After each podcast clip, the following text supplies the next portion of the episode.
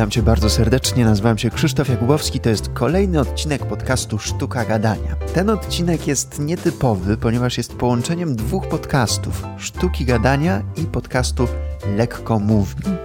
Ta rozmowa, którą za chwilę usłyszysz, została poprowadzona przez Patrycję Obarę, właśnie z podcastu Lekko Mówni i rozmawiamy w niej o chodzeniu na skróty, chodzeniu na skróty, jeśli chodzi o pracę nad głosem, o wystąpienia publiczne, o w ogóle życie takie codzienne i jakie mogą być negatywne konsekwencje takiego pójścia na skróty oraz co proponujemy zamiast takiego chodzenia na skróty. Podcast Lekkomówni to jest podcast na temat y, wystąpień publicznych, rozwijania umiejętności prezentacyjnych. Znajdziesz ten podcast we wszystkich odtwarzaczach podcastowych, a także na stronie www.lekkomowni.pl. To jest moja rewizyta, ponieważ Patrycja Obara była gościem podcastu Sztuka Gadania w 71 odcinku. Polecam Ci także tę rozmowę ponieważ tam rozmawialiśmy o głosie w biznesie, czyli jak wykorzystywać swoje mówienie, swój głos w interesach. 71 odcinek mm, cieszy się dużą popularnością, polecam także i Tobie. Natomiast gdybyś chciał, gdybyś chciała wesprzeć mnie jako autora sztuki gadania, to będę Ci ogromnie wdzięczny. Każda cegiełka, każde drobne 5-10 zł bardzo pomogą mi w rozwijaniu tej audycji, ponieważ prowadzenie podcastu wiąże się z pewnymi kosztami, a dzięki Tobie będę mógł rozwijać mm, ten podcast w przyszłości, więc jeśli uważasz go za wartościowy, dowiadujesz się z niego, to wesprzyj mnie, a będę Ci ogromnie wdzięczny. Jestem wdzięczny y, tym moim kilku patronom, których już teraz mam, natomiast każdy kolejny patron to po prostu serce rośnie i y, uskrzydla to. Więc jeśli chcesz mnie wesprzeć, to wejdź na stronę www.patronite.pl ukośnik Jakubowski. Zachęcam Cię także do dołączenia do facebookowej grupy podcast Sztuka Gadania, ponieważ tam będziemy się mogli lepiej poznać. Tam też dzielę się e, wskazówkami, głównie związanymi z głosem. Powstała bardzo fajna społeczność, różne dyskusje, więc serdecznie Cię zapraszam. A teraz obiecana rozmowa między mną a Patrycją Obarą. Ten odcinek w lekkomównych nazywa się O mówieniu i przemawianiu, czyli dokąd prowadzą drogi na skróty. Miłego słuchania. Ludzie naprawdę uczą się na pamięć gestów, czyli przygotowują jakieś wystąpienie i uczą się, aha, teraz mówię o tym, no to teraz muszę ręką y, w przód albo w bok. No to wyjdzie zawsze sztucznie.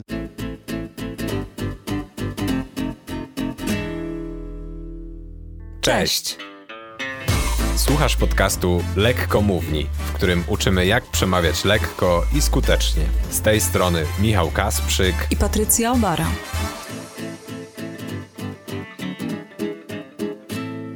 Cześć, witajcie. Dzisiejszym moim gościem jest Krzysztof Jakubowski i bardzo się na tę wizytę w naszym podcaście cieszę.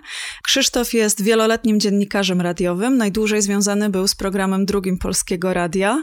Teraz prowadzi podcast Sztuka Gadania, w którym zajmuje się tematyką komunikowania się z innymi, podobnie jak my, również tematyką wystąpień publicznych i pracy głosem, co nie ukrywam jest jednym z głównych powodów, dla którego bardzo chciałam Krzysztofa zaprosić do tego odcinka. Zaraz powiem Wam więcej. Krzysztof jest też absolwentem kierunku kształcenie głosu i mowy na SWPS w Warszawie. No i otrzymał tytuł podcastera roku 2019, ale też tytuł Mistrza Polski Wystąpień Publicznych 2019. Także tutaj niesamowite e, osiągnięcia. Cześć Krzysztof, miło Cię słyszeć. Cześć Patrycjo, dzień dobry wszystkim słuchaczom. Miło mi ciebie, miło mi ciebie również y, widzieć, już nie po raz pierwszy, bo to jest mm, rewizyta, można powiedzieć. Mm, parę miesięcy temu zaprosiłem cię do swojej audycji Sztuka Gadania i rozmawialiśmy o głosie w biznesie. Bardzo ciekawa rozmowa i wiele ciekawych rzeczy od ciebie się także dowiedziałem, więc dla mnie to dzisiejsze spotkanie też jest cenne, bo, bo być może również się dowiem czegoś ciekawego od ciebie. Również mam głowę otwartą, bo z naszego poprzedniego spotkania wyniosłam wiele bardzo ciekawych rzeczy, inspirujących przemyśleń.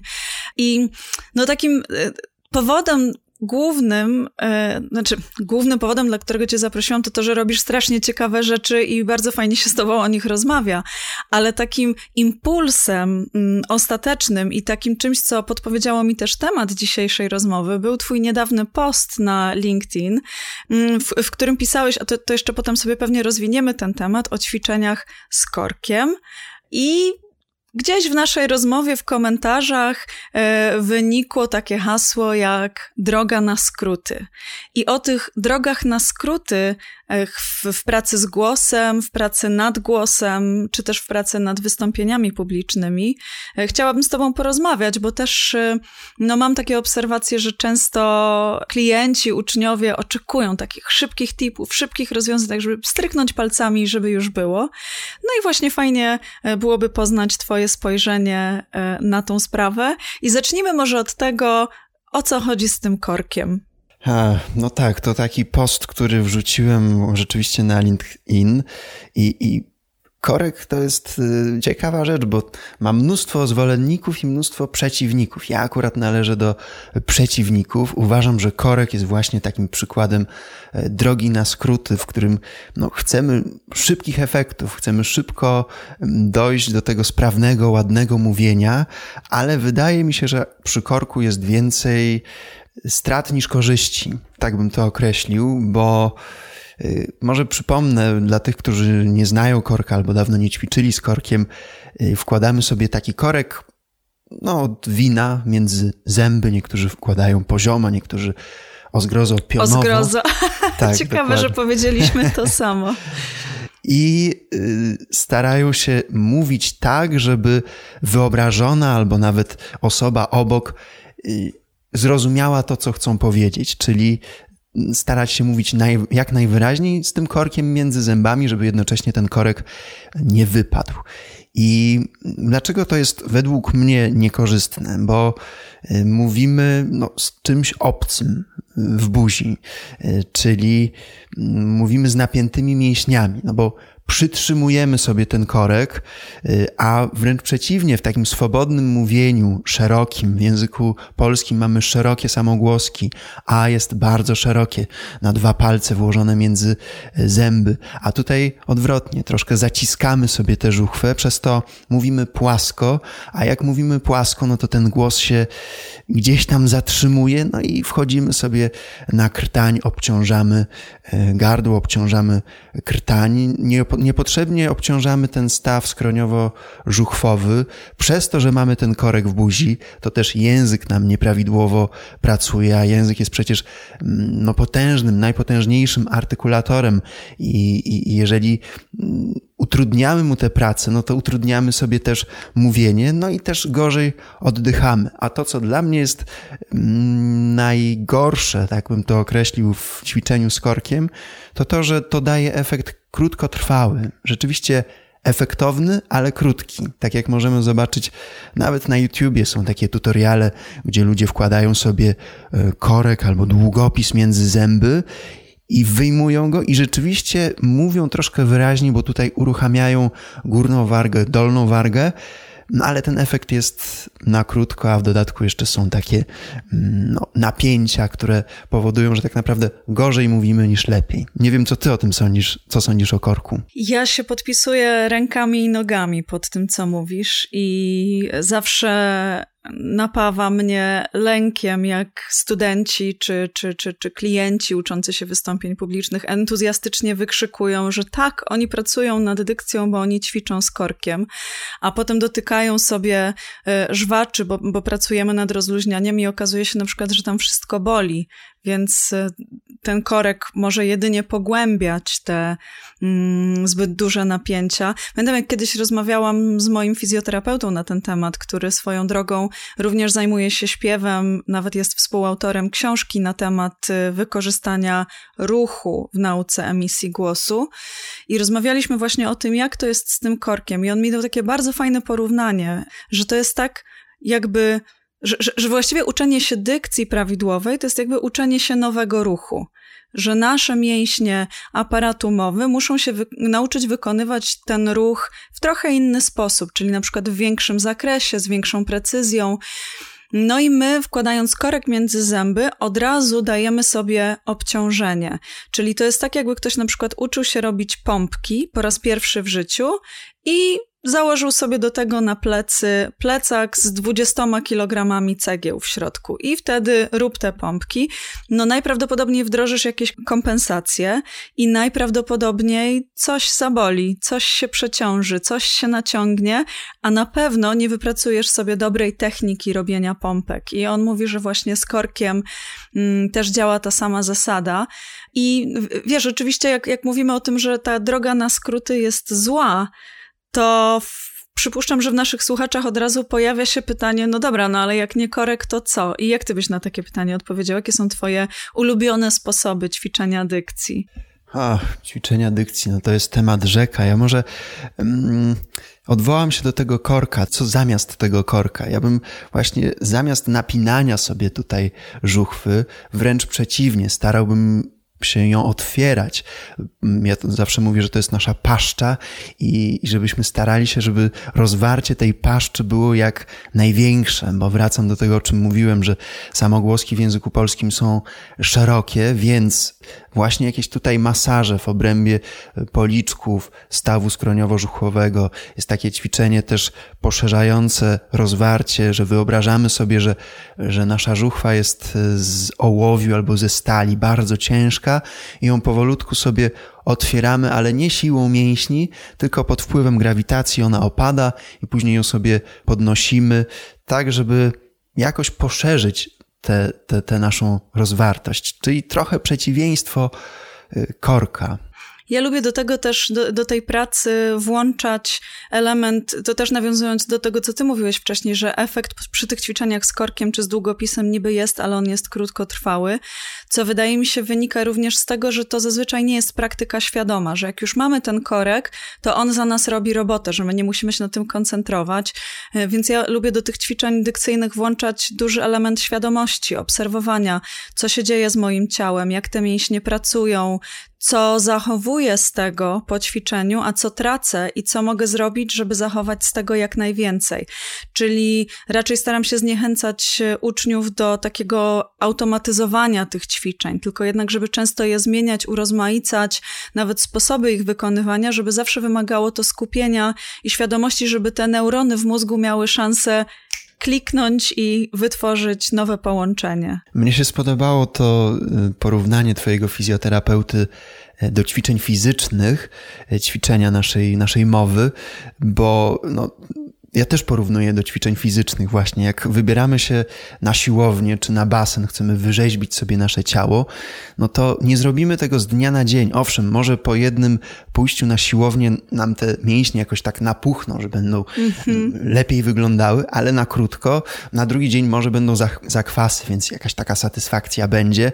No ale żeby rzeczywiście wyrzeźbić to nasze ciało, potrzebujemy tygodni, miesięcy, może nawet lat i Podobnie jest z tym ćwiczeniem dykcji, głosu.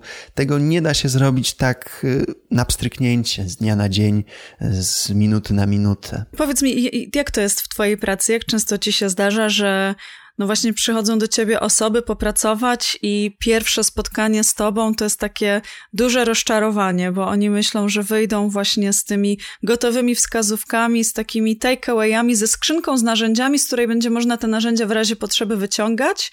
I powiedz mi też, y, jeżeli ci się to zdarza, y, to jakie narzędzie jest najbardziej pożądane? Jaki problem najczęściej zdarza ci się, że ktoś chciałby tak rozwiązać jednym ćwiczeniem? Ha, no tutaj mi przychodzą do głowy dwa jakby obszary. Obszar wystąpień, takich scenicznych, publicznych i głosu. I to są trochę dwie różne rzeczy, bo rzeczywiście, tak jak wspomniałaś, że rozczarowaniem może być, kiedy yy, na zajęciach z wystąpień publicznych okazuje się, że no po weekendowym kursie no nie, nie jesteśmy ekspertami w tym, nie, nie, nie, nie stajemy się świetnymi mówcami. Mhm. To jest pewien proces, który trwa. Natomiast z głosem jest tak, że rzeczywiście to też jest proces, który trwa, ale już na, na pierwszych zajęciach możemy zrobić jakieś takie ćwiczenie, które nam nagle otworzy, albo jakieś oddechowe, albo rozluźniające, że po takich zajęciach y, taka osoba nie jest właśnie rozczarowana, tylko wręcz mhm. zachęcona, że o kurczę, mogę mówić y, o wiele swobodniej, o wiele pełniej, bo zrobiliśmy jakiś jeden jedną prostą rzecz, na przykład rozgrzewkę y, ciała, rozgrzewkę aparatu mowy, coś się otwiera i to jest wręcz zachęcające. Więc y, to, trochę to jest różne, jeżeli chodzi o te obszary. Z wystąpieniami publicznymi jest kiepska sprawa o tyle, że ja, ja wychodzę z założenia, że po takim kursie weekendowym to uczestnicy mogą, jedyne co wiedzą, to to, czego nie umieją mhm. i w czym są dobrzy, co też jest już dużo, to jest bardzo cenne. Ale jeżeli ktoś mówi, że po takim weekendowym kursie, czy nawet jednodniowym warsztacie nauczymy cię występować publicznie, to to jest y, właśnie to pójście na skróty, a wręcz nawet bym powiedział, że oszustwo, bo to jest proces, który powinien, powinien trwać. E, ty jeszcze zapytałeś o, o, narzędzie. No właśnie, a propos już wspomnianej dykcji. Często mi się zdarza, że ktoś przychodzi i mówi: No, bo ja chcę mieć lepszą dykcję. I oni myślą, że to jest tak, że dostaną to jedno ćwiczenie na tych jednych zajęciach i to już im da taki efekt raz na zawsze. I ten moment rozczarowania przychodzi, kiedy ja im mówię, dobra, są na to ćwiczenia i tak jak powiedziałeś wcześniej, kilka tygodni albo kilka miesięcy ćwiczeń, w zależności od tego, jaki masz punkt wyjścia, na pewno poprawi stan rzeczy. Być może po pierwszych ćwiczeniach już zaczniesz zauważać pierwsze efekty.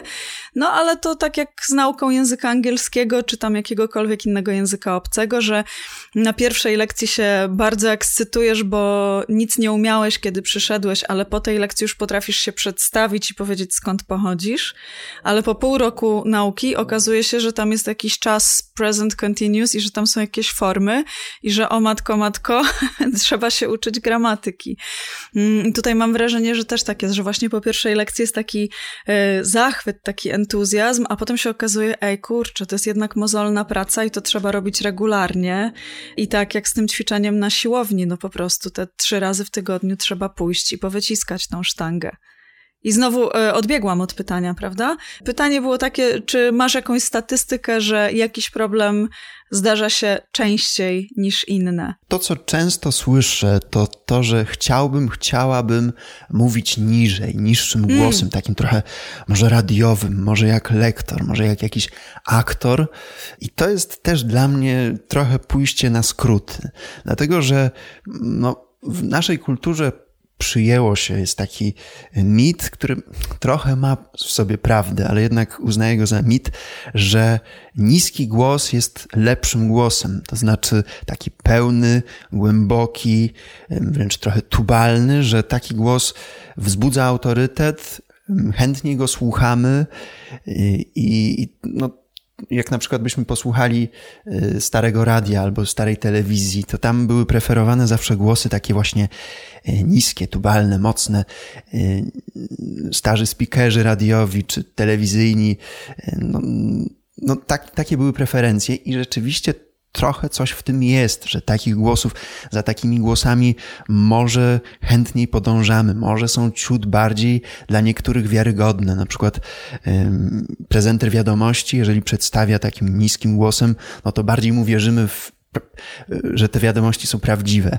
Natomiast y, to jest y, moim zdaniem pójście na skróty, dlatego że o wiele ważniejsze według mnie jest to, żeby mówić swoim głosem, a swoim głosem to niekoniecznie wcale niższym, tylko takim, który w pełni wyraża nas, naszą osobowość, mm, nasze poczucie humoru, nasz, nasz sposób bycia, sposób komunikowania się z innymi, ze światem, z samym sobą.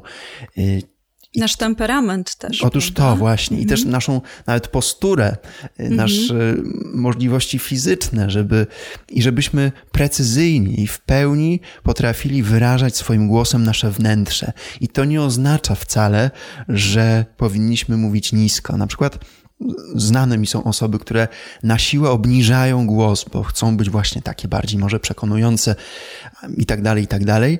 I to po pierwsze niszczy krtań, bo takie sztuczne obniżanie głosu jest niedobre, no a poza tym mam wrażenie, że oni sobie odcinają pełen wachlarz możliwości wyrażania siebie poprzez również wysokie tony. Nasza mowa powinna być taka urozmaicona. Nie tylko mówić jednostajnym, niskim głosem na jednym tonie, tylko y, no, My jesteśmy dosyć zamknię, zamknięci jako naród. Na przykład y, y, południowcy, Włosi mówią o wiele bardziej śpiewnie niż my. No trudno, oni mają inaczej, my mamy inaczej, ale żeby nie być monotonnym w, tym nasz, w tej naszej mowie, dobrze by było troszkę się pobawić, poszaleć tym, tym głosem. A często jest też tak, że, że przez to, że jesteśmy nieśmiali, zamknięci, yy, próbujemy tłumić te emocje w sobie i nie, nie przekazywać głosem tych emocji, bo się po prostu ich wstydzimy, więc mhm. staramy się na siłę obniżać ten głos, żeby tylko nie, jakoś nie zwrócić na siebie uwagi na przykład. No tutaj jest parę takich elementów, dlaczego ludzie chcą mówić niższym głosem, no ale y, nie, nie polecam tego wszystkim. Mhm. To bardzo ciekawe. Myślę, że w ogóle kilka ciekawych tematów w tej jednej wypowiedzi zawarłeś. Pierwsza rzecz to to, jak głosy są odbierane, no bo rzeczywiście są badania, które dowodzą, że niższe głosy uznajemy za bardziej wiarygodne, profesjonalne, szczególnie u kobiet, ale z drugiej strony te badania nie dotyczą określonych częstotliwości, że to przecież nie jest tak, że jeżeli ktoś jako podstawowy dźwięk ma C, to jest już profesjonalny, ale jak ma D, to jest już nieprofesjonalny, bo już jest za wysoko, że to jest jakoś zawsze subiektywne. Mm, natomiast taka myśl, że niższy głos jest bezwzględnie lepszy, czasami prowadzi do tego, że po prostu nieważne, czy mamy wysoki głos z natury, czy niski, jeszcze bardziej go chcemy zaniżyć i mówić właśnie tak jak najniżej, tak jak to określiłeś, tubalnie wręcz. No i wtedy brzmimy w złym znaczeniu tego słowa teatralnie. A kolejna rzecz, która przyszła mi do głowy, kiedy o tym mówisz, to to, że Tutaj pojawiają się dwie sprzeczne potrzeby, bo te same osoby będą chciały mówić niżej i będą chciały nie mówić monotonnie. I to czasami w momencie, kiedy ktoś no, no takie ma parcie, żeby właśnie było jak najniżej, to on rzeczywiście będzie trzymał się tych najniższych kilku dźwięków, jakie potrafi wydobyć, będzie się tym męczyć, będzie ten głos niski, ale słaby, więc wtedy też nie, nie wysyłamy na zewnątrz sygnału zdecydowania, siły, profesjonalizmu, tylko raczej sygnał takiego zmęczenia życiem, i, a jednocześnie mówimy monotonnie, czyli też sygnał, że sami jesteśmy znudzeni tematem, o którym opowiadamy. I tutaj to, że mamy jakąś amplitudę dźwięków, to jest niesamowite. To jest piękne narzędzie, z którego możemy korzystać, żeby zaangażować publiczność, żeby utrzymać ich uwagę. Przecież jak y, sami przypominamy sobie nawet z dzieciństwa bajki, których najchętniej słuchaliśmy, to te bajki wręcz były prawie że śpiewane, prawda? Tak, tak, jasne. No, ja sobie tak pod wpływem tego, co mówisz, jeszcze tak pomyślałem, że no, pod wpływem ćwiczeń oddechowych, na ćwiczeń na rezonatory tutaj piersiowe, możemy ten głos obniżyć i, i to jest dobra wiadomość dla tych, którzy chcą takiego głosu. On będziecie mogli mówić niżej, ale to jest tylko jeden z, jedna z możliwości mówienia. Ich jest bardzo dużo. Możemy mówić wyżej, możemy mówić niżej, możemy mówić szybciej, możemy mówić wolniej, możemy mówić ciszej, możemy mówić głośniej, nie zdzierając sobie tego e, głosu. Wszystko to można zrobić ćwiczeniami, ale zawsze naszym celem jest nie mówienie nie mówienie jakimś głosem ala George Clooney y, czy, czy inny tam, y, nie wiem. Wiktor Zborowski. Wiktor Zborowski czy Tomasz Knapik, y, tylko mówić swoim, swoim głosem. I to jest trudne, to, bo to, nie, to, to właśnie przeczy tej drodze na, na skróty. Niestety trudniejsze jest zaakceptować swój głos, nie, nie próbować go na siłę jakoś zmieniać, I trudniejsze też jest to, żeby go znaleźć. To jest pewien proces, który również trwa. O wiele łatwiej jest nam na siłę tutaj obniżać ten głos, no ale to jest na krótką metę. My sobie tutaj napniemy tę krtań i po prostu sobie niestety możemy zniszczyć mm, te, te, te drobne elementy. To nadmierne napięcie krtani mm, prowadzi paradoksalnie, często to właśnie to prowadzi do niedomykalności krtani, czyli to, co się wydaje, że ktoś ma ten głos taki słaby i zanikający, to często wynika, czy najczęściej wynika właśnie z tego, że ktoś próbował ten głos uczynić zbyt silnym e, i że te mięśnie w którymś momencie mówią, nie, już nie dajemy rady, musimy odpocząć. Mm, natomiast jeszcze a propos tego zaniżania głosu, to mm, byłam swego czasu na e, warsztatach z Sonią Lachowolską, świetną pedagogzką wokalną, jedną z takich legend polskiej dydaktyki wokalnej. I mm, dużo było rozmów tam na temat dźwięków prymarnych, czyli tych takich dźwięków przedwerbalnych, które wydajemy. Na przykład, kiedy komuś przytakujemy, mówimy mhm, albo się nie zgadzamy, mówimy mm, albo kiedy się śmiejemy, kaszlemy, e, wzdychamy sobie i że to są takie nasze prawdziwe dźwięki, bo w momencie, kiedy zaczynamy mówić, to już coś tam kombinujemy w tym głosie. Tu go zawyżamy, tu zaniżamy, tu coś szukamy, tu jakieś emocje nam się na to nakładają i ten głos gdzieś tam ucieka w jakąś stronę. Natomiast te ćwiczenia na dźwięki prymarne, i tu mi się bardzo podobało, jak Sonia to określiła, przywracają głos do ustawień fabrycznych. I często się zdarza, że jak sobie ten ktoś ten głos przywróci do tych ustawień fabrycznych, to nagle odkrywa, to ja tak brzmię? I okazuje się, że ta osoba od lat mówiła nie swoim głosem, a to mi się trochę wydaje, jakby być w nie swoim ciele. Nie, nie wiem, co o tym myślisz, że mam wrażenie, że jak my tego głosu zaczynamy używać nieprawdziwie, to oddalamy się od tych swoich emocji, że to się zaczyna robić takie wystudiowane, takie na, na, na wynos, takie na pokaz, a przestaje być tożsame z tym, kim my jesteśmy. No tak, to się staje takie mm, sztuczne, nie nasze, nie wyrażające w pełni nas, to co już um, wspomniałem. Tak, i, i do tej sztuczności jeszcze bym dodał to, że, że jednak słuchacze to wyczuwają, nawet nieświadomie, ale nie wiedzą, nie, nie wiedzą, co jest nie tak, ale czują, że coś jest nie tak, że ta osoba mhm. nie do końca jest z nami mm, szczera. No tylko, że to nie jest też nasza wina. My możemy być bardzo autentyczni, prawdziwi, szczerzy, ale głos tego wcale nie wyraża, bo na przykład mamy złą postawę ciała, bo mamy zbyt dużo napięć, albo pod wpływem stresu mówimy jakoś tutaj za wysoko, bo mamy wszystko poblokowane i tak dalej, i tak dalej. Więc my chcemy być szczerzy, my chcemy być prawdziwi, ale niestety głos nam to wszystko psuje. To tak jak mówiliśmy podczas tej naszej rozmowy yy, o głosie w biznesie, mhm. że ten głos może nie nadążać za naszym awansem i, mhm. stajemy się jakby tacy mm, niespójni. No to jest to samo, że, że jakby no głos nie pasuje do nas i, i przez to powstaje takie no, poczucie sztuczności wcale niezamierzone i wcale być może nie, nie do końca prawdziwej, bo, bo, bo bo my próbujemy być szczerzy, ale głos nam na to nie pozwala.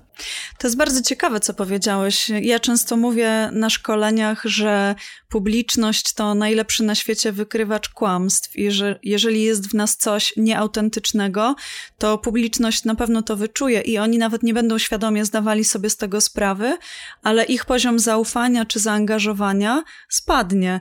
Mm, natomiast y, rzeczywiście nie brałam w tym pod uwagę tego, że czasami ta sztuczność może być zupełnie niezamierzona, że ona może wynikać z jakichś ograniczeń fizycznych, które mamy, na przykład w zakresie techniki emisji głosu, i że to może sprawiać, że my nie do końca wyrażamy mm, to, kim naprawdę jesteśmy, i możemy stworzyć wrażenie, że coś kombinujemy, że coś udajemy. To bardzo ciekawa perspektywa na to zagadnienie. No tak, bo na przykład osoba, która brzmi jakoś tak poważnie albo smutno, wcale nie musi taka być. Może być wewnątrz właśnie bardzo radosna, ale brzmi jakoś tak inaczej, albo na, albo na przykład może brzmieć jakoś mm, tak zbyt ostro, tak jakoś jakby trochę z pretensjami, że słuchacz ma wrażenie, że, że są tu jakieś pretensje, a wcale nie musi być takiej intencji, tylko po prostu no, głos nie w pełni idzie za, za nami, za naszą intencją. Mhm. I tutaj oczywiście nie ma drogi na skróty. Tutaj trzeba oczywiście pracować konsekwentnie, systematycznie i długotrwale. Jasne, tak, tak. Mm. No dobra, Krzysztof, obalmy jeszcze jakiś mit. Co jeszcze, e, jakie jeszcze drogi na skróty popularne możemy wziąć na tapetę? Jest jakaś taka, której szczególnie nie lubisz albo szczególnie cię złości? Jest, jest taka, mianowicie palenie papierosów. Aha. E, w kontekście głosu. Nie wiem, czy ty palisz, czy nie? Nie, nie, nie, nigdy. Okay. No, ja zaczynałem swoją, swoją przygodę zawodową w radiu i tam co, co drugi kolega, koleżanka palili właśnie żeby mieć takie bardziej radiowe głosy, Aha. niskie, takie przekonywające i, i, i no, no, takie głębsze. I przez to e, palili e, i, i rzeczywiście głos się zmienia pod wpływem palenia, ale czy na korzyść? Moim zdaniem nie, dlatego że głos palacza traci dźwięczność. Mhm. On staje się taki matowy, zgrubiały, ochrypły. I tu znowu wracamy do tego, o czym mówiliśmy, że, że owszem, być może on staje się taki głębszy, ale nie jesteśmy w stanie w pełni wyrazić siebie, bo nam odcina te górne tony. Na przykład osoby, które śpiewają, mogą już mieć problemy z wydobywaniem tych górnych tonów. Poza tym, no, palacze często mają kaszel, a kaszel szarpie nam tutaj głos. U palacza wszystkie śluzówki, zwłaszcza krtanie, ale wszystkich dróg oddechowych e, są przekrwione, podrażnione, obrzęknięte i jak tak rozmawiam ze specjalistami, foniatrami, laryngologami, e, specjalistami od emisji głosu, to oni mówią, że palacze wręcz powinni unikać zawodów związanych z mówieniem. A często się zdarza, że właśnie takie osoby, które dużo mówią, palą. Nauczyciele, dziennikarze, lektorzy, wykładowcy mhm. i tak dalej, i tak dalej. No i to jest dla mnie takie pójście na skróty, że, że ja nawet dostawałem taką, takie rady. Już nie będę mówił Naprawdę? kto. Tak, od, nie od logopedów, ale od starszych kolegów mm. dziennikarzy. Był taki dziennikarz, który mi mówił, no jak ty chcesz mieć głos, to regularnie powinieneś palić i pić whisky. Wtedy będziesz miał taki głos jak ja. I ja go czasami słyszę, bo on ma nawet e, swój podcast i no, dla, ja, dla mnie to jest głos zbyt tubalny, zbyt taki mm, niski. Yy, nawet do tego stopnia kiedyś innego z kolei dziennikarza miał taki tak strasznie niski głos, że ja, jadąc samochodem miałem jeszcze taki mały samochodzik kiedyś i jak słuchałem jego głosu w radiu, to y, pod wpływem tego jego tembru głosu wzbudzały się takie plastikowe osłonki na drzwiach i ten głos się stawał Ojej. nieczytelny, bo był po prostu już, już za niski. No więc y, ja do tego tak podchodzę. No już nie mówiąc o, o w ogóle zdrowotnych sprawach, tam mhm. problemy nowotworowe z układem krwionośnym, oddechowym i tak dalej, i tak dalej. Nie wiem, co ty sądzisz o paleniu, a właśnie głosie. Wiesz co, no, ja się zgadzam z tobą w stu procentach, tak bardzo się z tobą zgadzam, że nawet nic nie będę dodawać do tego tematu, bo wszystko powiedziałeś. E, oprócz tego, że mogę dodać tak od siebie, że bulwersują mnie takie rady, bo przecież to jest nic innego jak, mm, no owszem, zmienia to brzmienie głosu, ale poprzez jego niszczenie. Wysuszanie e, tak. i te substancje smoliste tam się osadzają i po prostu to, to, to nie jest nasz naturalny głos. Mhm. A tu jeszcze Zgadzam dochodzi... się. Tak, tak, tak, tak. Nie, bo dochodzi jeszcze jeden element taki, jak mówiłem o tym radiu, bo dla części bardzo ważne było to, żeby sobie tak obniżyć głos, ale też to jest taka ciekawostka, może trochę off topic, że część dziennikarzy paliło, dlatego że palacze mieli zawsze wiadomości z pierwszej ręki, wszelkie ploteczki. To pewnie też nie tylko w radiu, we wszelkich miejscach pracy. Palacze wiedzą najwięcej, bo po prostu ten papieros staje się pretekstem do tego, żeby rozmawiać. I, i pod tak. tym względem czasami żałowałem, że kurczę, no nie jestem palaczem i dowiaduję się dopiero z trzeciej, czwartej ręki, a tam już wszyscy y, wszystko wiedzieli na dole. Ach, ja też to zawsze miałam, wiesz, i też w wielu kręgach społecznych y, takich też zawodowych byłam jakoś na marginesie, byłam jakoś z boku, bo wszyscy wychodzili, a ja nie wychodziłam. E, I rzeczywiście nie było wtedy powodu do tych ploteczek, do tych smoltoków, podczas których człowiek się dowiadywał najwięcej o wszystkim i o wszystkich. Mm, natomiast e, no nie było to dla mnie wystarczającą motywacją nigdy, na szczęście.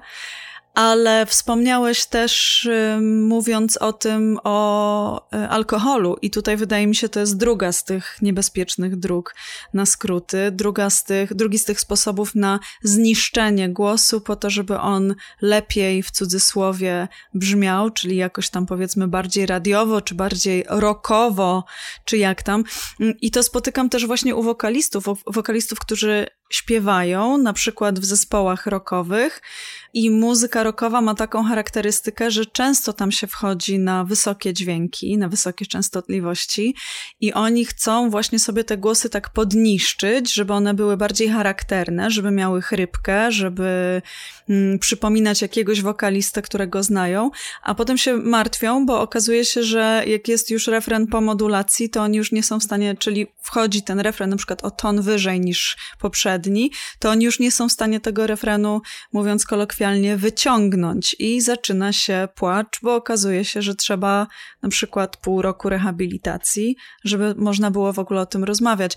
A przecież są sposoby, można do tego podejść technicznie, można barwę zmieniać odpowiednimi ćwiczeniami i są nauczyciele, którzy specjalizują się w czymś, co nazywa się efektami wokalnymi i można sobie ćwiczyć te efekty wokalne i można się nauczyć mówić z chrypką w zdrowy sposób. Ale no to jest y, droga troszkę bardziej naokoło. No właśnie, to co mówisz, można się nauczyć, ale, ale to wymaga czasu, pracy, energii.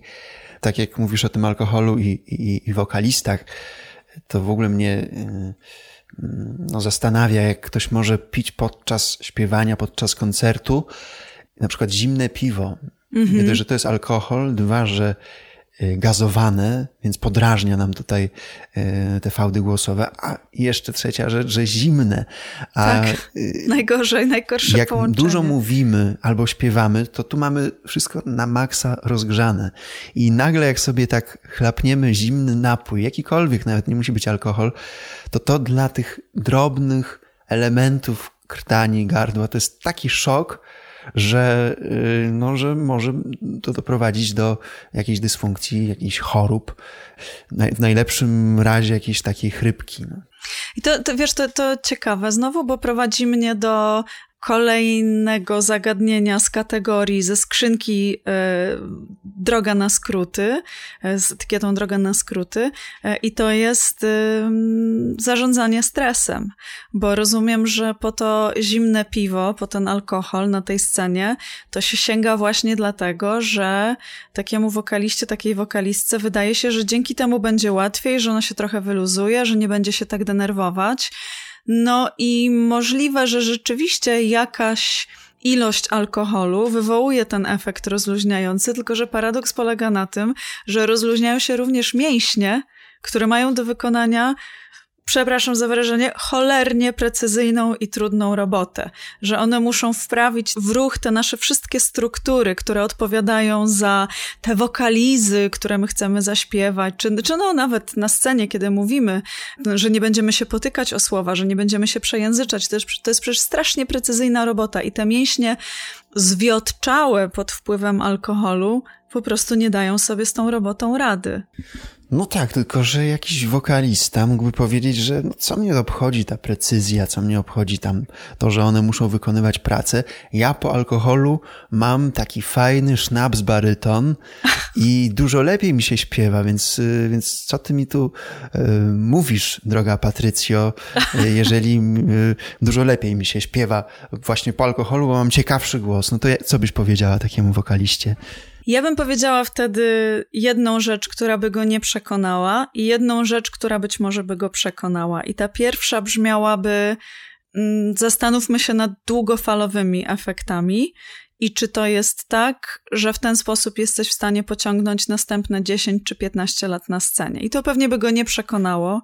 Tak jak nie przekonuje palaczy ostrzeżenie, że może to wywoływać takie czy inne choroby, bo, no bo to może, ale nie musi, a poza tym to będzie za 10 lat, więc co za różnica. A rzecz, która prawdopodobnie by go przekonała, to zwróciłabym mu uwagę na to, czy przypadkiem intonacja mu nie siada. Czyli mówiąc y, normalnym językiem, czy nie zaczyna fałszować po tym alkoholu. Bo często jest tak, że alkohol sprawia, że mamy większą trudność w utrzymaniu czystego dźwięku, właśnie dlatego, że te mięśnie nie do końca poddają się naszej kontroli. No i co myślisz, że dałby się taki wokalista przekonać takim, no takim argumentem? Nie jestem pewien, no bo y, to dotknęłaś bardzo ważnego, ważnej rzeczy, że przy tym pójściu na skróty właśnie my nie myślimy o tym, co będzie za 10 lat, co będzie za 15. Nas to totalnie nie obchodzi. Nas obchodzi to, co jest dzisiaj, ewentualnie jutro albo pojutrze. Jeżeli ktoś y, tak myśli bardzo krótkoterminowo, że jest dnia na dzień, no to trudno go przekonać e, do w ogóle zmiany sposobu myślenia o swoim życiu. To nie tylko o ćwiczeniach wokalnych, czy ćwiczeniach głosu, czy dykcji, ale w ogóle myślenia o, o swoim zdrowiu, o swoim ciele, o swojej starości też, jak ja będę funkcjonował, kiedy będę stary. To prawda, to prawda. I to widzę też często kiedy gdzieś się przewija temat na przykład podjęcia psychoterapii przez kogoś. I bardzo często jest tak, że osoby, które nie są bardzo zmotywowane, tylko mają taki pomysł, że a może spróbuję, mm, gdzie możliwe, że jak każdy chyba z nas, mogłyby z tej terapii coś dobrego dla siebie wyciągnąć. Już nie chodzi o, e, o to, że każdy musi tam koniecznie iść z problemem, ale każdy może się nam, tam nauczyć pewne rzeczy robić lepiej, korzystniej dla siebie, jakoś bardziej czerpać z tego życia pełnymi garściami. I często jest tak, że po dwóch, trzech spotkaniach taka osoba mówi, ja nie, byłam trzy razy i nic mi to nie dało. I to jest trochę podobne, że właśnie nie ma takiego nastawienia, no dobra, ale może muszę pójść tam nie trzy razy, tylko trzy lata tam pochodzić i wtedy może mi to coś da. I po tych trzech latach będzie przede mną jeszcze kolejnych 30 czy tam 50 i być może fajnie byłoby mieć taką umiejętność korzystania z nich w pełni. Ale mi się wydaje, że to może być jakoś związane w ogóle z naszą kulturą obecną, z kapitalizmem rozbuchanym, który sprawia, że my chcemy wszystko szybko, teraz już, nie jutro, nie za miesiąc, teraz chcemy. Absolutnie. Jesteśmy przyzwyczajeni, że wszystko mamy pod ręką, że e, możemy kupić albo skorzystać z jakiejś usługi w kilka sekund, bo, bo wszystko mamy pod palcem. No tylko, że z naszym ciałem, z naszym organizmem mm, tak nie jest. E, nasze ciało potrzebuje czasu, żeby coś zmienić, i, i, a już z głosem to już w ogóle, dlatego że głos, głos powstaje w krtani, która jest taka malusieńka, jak taki mały gwizdek. I jeżeli tam próbujemy iść na skróty, próbujemy to jakoś przeciążać tutaj siłą mięśni, no to to jest, y, to się tak nie da. To ciało y, zaprotestuje, będzie najpierw y, nam to wyrażało w postaci bólu, no a potem już trwałych jakichś dysfunkcji nieodwracalnych często. To ważne, żeby pamiętać, że nasze ciało nie jest wytworem kapitalizmu, nasze ciało jest wytworem natury i ono w ogóle nie ewoluowało w tą stronę, w którą ewoluowała nasza kultura. I jeżeli próbujemy to ciało do czegoś zmuszać, to prędzej czy później ono po prostu mówi: Nie, już dalej nie, już więcej nie. E, chciałam dodać, że nauczyłam się tego na własnej skórze, kiedy postanowiłam swego czasu zapisać się na jogę, a ponieważ e, lubię dużo od siebie wymagać, to była to asztanga yoga, bo usłyszałam gdzieś, że jest najtrudniejsza. Nie wiem, czy to prawda, tak usłyszałam.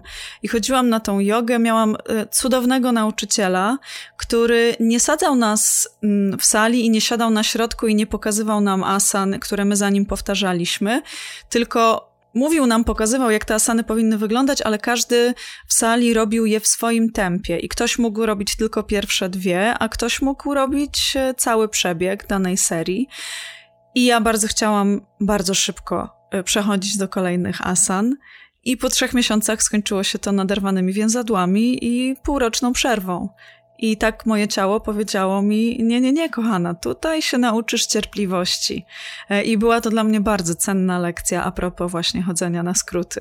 Skoro jesteśmy przy ciele, ja nawiążę do tego ciekawą rzecz, też wcześniej powiedziałaś o, o relaksacji, o radzeniu sobie ze stresem. Mhm. Często się zdarza, być może ktoś z naszych słuchaczy też w ten sposób robi, że ten stres próbuje wyładować przez bardzo intensywną aktywność fizyczną, przez jakieś bardzo ciężkie, siłowe ćwiczenia i wstajemy z tego biurka, z zabiórka w pracy i idziemy i tyramy i po prostu no, przyzwyczajamy się do pewnego bólu, który mm -hmm. sami sobie serwujemy.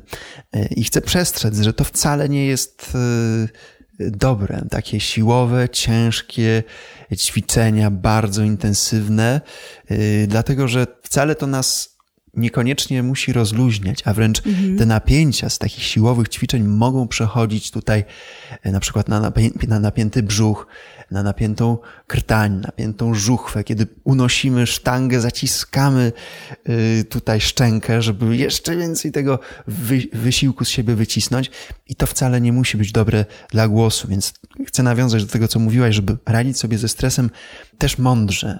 Powiedziałaś o jodze, super, jakieś spokojniejsze sporty typu y, pływanie, bieganie, y, jakaś relaksacja, medytacja, rozciąganie. Y, no to są super aktywności, żeby raz radzić sobie ze stresem, dwa pozbywać się tych napięć i trzy też poprzez tę aktywność mm, poprawiać nasz głos, a nie go zamykać. Tak, i tutaj jeszcze myślę warto dodać, że nawet z punktu widzenia biochemii naszego ciała, taki bardzo intensywny wysiłek powoduje wydzielanie kortyzolu, czyli hormonu stresu, czyli my chcemy sobie z tym stresem poradzić. Rozumiem, że liczymy na to, że tam y, wystrzelą endorfiny, ale no one może tam gdzieś po treningu wystrzelą, ale też wystrzeli kortyzol, więc jesteśmy w stanie takiej dużej nierównowagi y, i tu zdecydowanie lepiej zrobi nam wysiłek umiarkowany E, jako remedium na stres. Ale skoro już rozmawiamy o stresie, to jeszcze mm, zapytam Cię o jedną rzecz. Ciekawa jestem Twojego podejścia, bo często, naj, najczęstsze w mojej e, praktyce oczekiwanie dotyczące drogi na skróty zamyka się w pytaniu, co zrobić z rękami że przychodzą klienci bądź uczniowie i mówią, no co ja mam na tej scenie zrobić z rękami? Co, jakie gesty? I oni oczekują, że ja dam im listę dziesięciu gestów, które są dozwolone i którymi się komunikuje, tam nie wiem, profesjonalizm, czy co oni chcą zakomunikować. A ja im wtedy mówię, wiesz co, jak nie wiesz, co zrobić z rękami, to tak naprawdę nie wiesz, co zrobić ze swoim stresem na scenie i musimy popracować nad tym. I to jest moment często, ale jak to? Jak to u ciebie wygląda? Bardzo ciekawa rzecz, y, to co powiedziałeś, że, że ta taka nieopieszałość, jakiś taki niezręczność tych rąk wiąże się ze stresem. Y, I ja podchodzę do tego y, z dwóch stron. Po pierwsze, pokazuje taką rozgrzewkę gestów, czyli głównie ona polega na rozluźnieniu tutaj ramion, barków, rąk, troszkę rozruszaniu ich, tak nawet ruszając palcami, nadgarstkami, tutaj stawami łokciowymi i tak dalej, żeby troszkę to rozluźnić przez ruch, a jednocześnie być, być bardziej świadomym tych wszystkich ruchów, że to mamy tutaj e, do dyspozycji, to może nam, to może, to może iść za naszą myślą. No a druga rzecz z gestami, taka moja ulubiona, to jest to, żeby po prostu gestów używać na co dzień, w codziennej rozmowie. Tutaj akurat tak mam ustawioną kamerę, że nie widzisz moich gestów, ale ja staram się cały czas mm, pomagać ci zrozumieć to, co mówię właśnie tymi ruchami dłoni. Jeżeli z taką intencją podchodzimy na co dzień y, w rozmowie zwykłej, takiej codziennej, że chcę ci pomóc, drogi mój słuchaczu, zrozumieć treść, o której mówię, to później y, wychodząc na scenę też to jest naturalne, bo taką pewną zmorą jest to, że na co dzień mówca nie używa gestów, a na, po wejściu na scenę nagle chce ich używać i to nie zadziała, bo to jest nie nasze, to nie jest, to nie weszło nam w taki, w taki nawyk tłumaczenia innym tego, co chcemy mówić i wyglądamy sztucznie jak roboty, e, a jeszcze jak tak, dodamy do tego tak. napięcia tutaj właśnie, które często są w stresie ramion, barków, karku, e, dłoni, no to to wychodzi gorzej niż byśmy nie używali w ogóle tych gestów. Tak do tego podchodzę. To prawda. A, a też sytuacja odwrotna jest nierzadka, że ktoś na co dzień używa dużo gestów, ale stres na scenie paraliżuje go i on nagle staje nieruchomo. E, I wtedy też wydaje się nieautentyczny, wydaje się nie być sobą. Dlatego poradzenie sobie ze stresem często powoduje, że ten problem, co zrobić z rękami, znika, ale jest to oczywiście droga znowu bardzo naokoło. Natomiast e, spodobało mi się to, co mówisz o rozgrzewce, żeby tutaj rozluźnić barki, coś poruszać dłońmi, bo ja często też podaję taki przykład e, osobom, z którymi pracuję, że jeżeli chcemy przepchnąć pudło z jednego końca pokoju w drugi, to najtrudniej jest je ruszyć z miejsca. Potem ono już się jakoś sunie. I mam wrażenie, że to, co mówisz, ta rozgrzewka, rozgrzewka to jest właśnie takie ruszenie z miejsca, że to jest wykonanie tego pierwszego ruchu, a potem już jakoś, jakoś to idzie. I e, ostatnio e, uczestniczę w takim wspaniałym kursie techniki Aleksandra, e, który właśnie e, technika zajmuje się uwalnianiem napięć z ciała i takim psychofizycznym połączeniem. I pani Magdalena Kędzier, która prowadzi ten kurs, powiedziała ostatnio na zajęciach coś, co mi się strasznie spodobało, że jeżeli nie wiesz, co zrobić z rękami, to znaczy, że masz napięte barki. Że jeżeli masz dyskomfort, zwieszając ręce luźno, swobodnie e, w dół, to znaczy, że masz napięte barki. Jeżeli rozluźnisz te barki, to ten gest zwieszania rąk nie będzie już dla ciebie niekomfortowy. E, I przetestowałam i naprawdę to działa. Także polecam rzeczywiście zaczynać od barków. Fajnie, że, że podjęłaś ten temat gestów, bo tutaj też może być sporo takich dróg na skróty, kiedy ludzie przychodzą na jakiś kurs, szkolenie, wystąpień i, i właśnie proszą o jakieś takie gesty i co najgorsze, często dostają takie wskazówki. To znaczy, jeżeli chcesz być otwarty, to wykon, wykonuj tutaj ruch otwartej dłoni. Jeżeli y, chcesz być przekonujący w tym, co wyliczasz, to teraz y, pokaż paluszkiem tak. jeden, dwa, trzy i ludzie naprawdę uczą się na pamięć gestów, czyli y, no, przygotowują jakieś wystąpienie i y, uczą się, aha, teraz mówię o tym, no to teraz muszę ręką y, w przód albo w bok. No to wyjdzie zawsze sztucznie, dlatego że ten ruch ręki zawsze będzie lekko opóźniony w stosunku do tego, co mówimy. Widz nie zorientuje się, co jest nie tak, ale będzie wiedział, że coś jest nie tak, że tu jest coś niespójne, nieprawdziwe i ja tej osobie nie wierzę. Więc tutaj dobrze, że o tym, o tym powiedziałaś.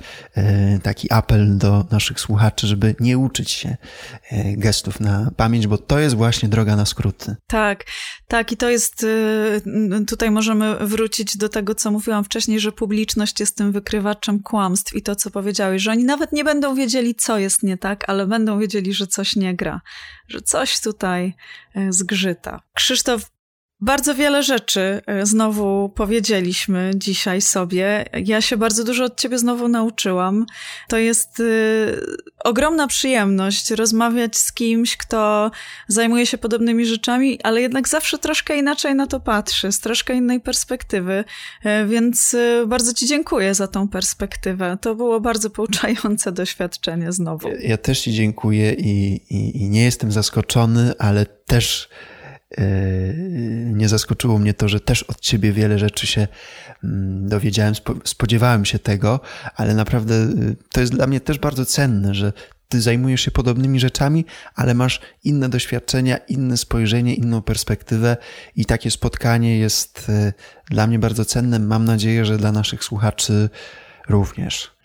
Również mam taką nadzieję i skoro już jesteśmy przy naszych słuchaczach, to chciałabym zapytać, czy mógłbyś im polecić jakieś ćwiczenie mm, dotyczące którejś z tych dróg na skróty, które dzisiaj omówiliśmy, że gdyby oni tak chcieli jednak pójść tą drogą naokoło, nad którymś z tych aspektów popracować, to co mogą zrobić dziś? Od czego mogą zacząć dziś? To ja może e, wrócę do tego, od czego zaczęliśmy, czyli od tego korka, bo łatwo jest e, mówić, że coś jest e, szkodliwe, krytykować jakieś ćwiczenie, no ale warto dać coś w zamian, więc proponuję coś takiego, co właśnie nas nie będzie zaciskało, tylko otwierało nam te żuchwy. Ja staram się jak najczęściej robić te ćwiczenia otwierające, bo też mam tendencję do zaciskania żuchwy. Jeżeli ktoś z naszych słuchaczy na przykład zgrzyta zębami albo ścierają mu się zęby albo mówi tak y, płasko, mało otwiera paszczę, to polecam